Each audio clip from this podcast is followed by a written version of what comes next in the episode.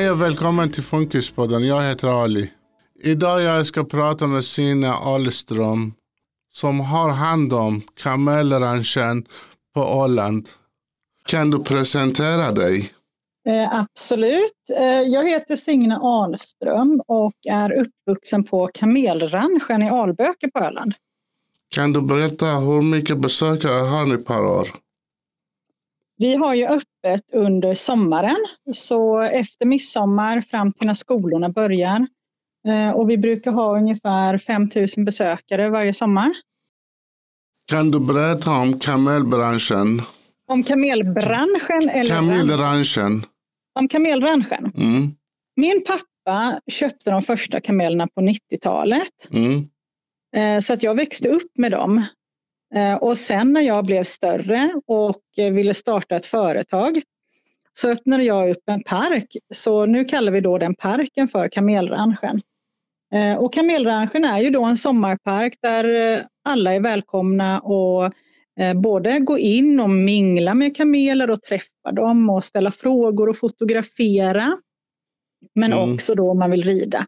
Sen har vi ju även eh, smådjur eh, som man kan besöka, så man kan klappa små dvärggetter och kaniner till exempel. Mm.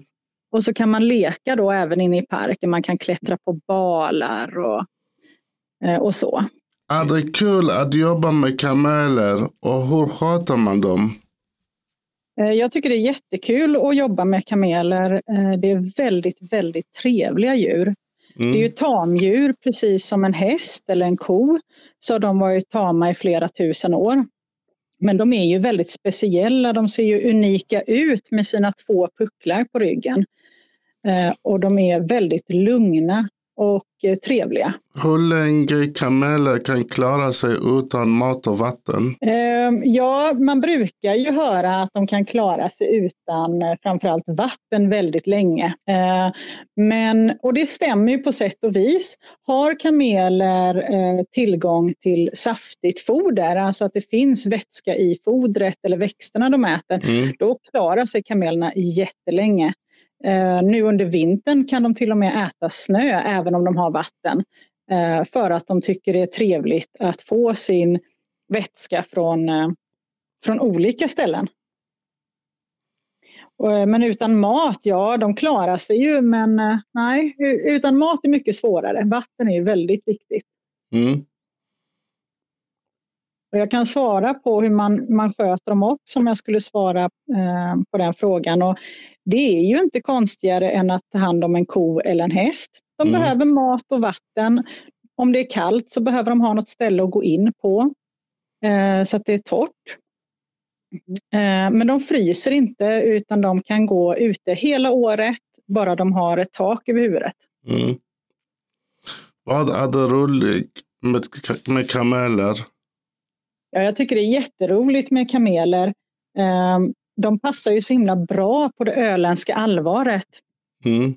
Vad är det jobbigaste med kameler? Hmm, det var en lite knepig fråga. Det jobbigaste med kameler?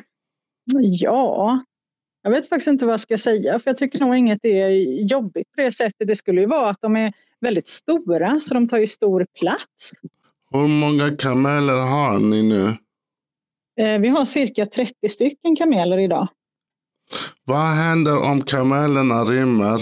Ja, kameler är ju inga flyktdjur. De har inget flyktbeteende, vilket då betyder att de springer ju inte eh, ifrån om de blir rädda. Så skulle de ha rymt, ja då går de ju sakta då längs med vägen då om det är vid en väg. Mm. Och sen så får man ju ta in dem så det händer ju inte förhoppningsvis så mycket utan är det bilar i närheten så kör de förhoppningsvis väldigt sakta. Och sen så kan vi bara gå dit och ja, eh, ta in dem igen. Hur är det att rida med en kamel och att jämföra med en häst? Ja, jämföra med en häst. Vet du, jag har eh, aldrig suttit på en häst. Jag har bara ridit kamel i mitt liv. Mm. Eh, men jag har ju hört dem som har ridit på häst och att sitta på en kamel, det guppar lite mer. Mm. Eh, lite mer fram och tillbaka om man säger, så att man nästan nickar fram och tillbaka när man rider på en kamel. Men det är rätt så bekvämt för de är ju eh, man kan ju sitta mellan pucklarna så man har både ryggstöd och något att hålla sig i. Hur ser ut en vanlig dag på jobbet ut? En vanlig dag på jobbet så eh, går jag ut och öppnar upp kassan och öppnar upp portarna så att folk kan komma in i parken. Mm. Och sen så kommer kamelskötarna och går ut och hämtar kamelerna långt ute på allvaret. De har ju jätte, jättestort att gå på. Mm. Sen kommer de tillbaka med kamelerna, klär på dem deras eh, eh, då, så de kan hålla i dem och sitta på dem och sådär så att det de behöver på ryggen. Och sen så får människorna komma in och våra besökare då komma dit och eh, rida om de vill.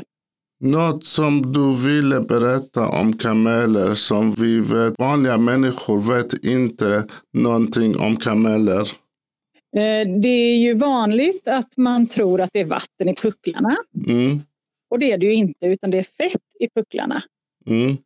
Sen är det väldigt vanligt att tro att de fryser i Sverige, Mm. eh, vilket de absolut inte gör för de kommer från kalla länder. Så de Mm. kommer från till exempel Kina, Gobiöknen och där är det ju kalla öknar. Mm. Eh, så det är det vanligaste eh, som man brukar vilja veta om kameler. Tack för att du har varit med podden idag. Ja, tack själv. Då får du hälsa pappa. Det ska jag göra, absolut. Ta hand om dig Signe. Detsamma. Tack för mig så ni kan lyssna på nästa podd.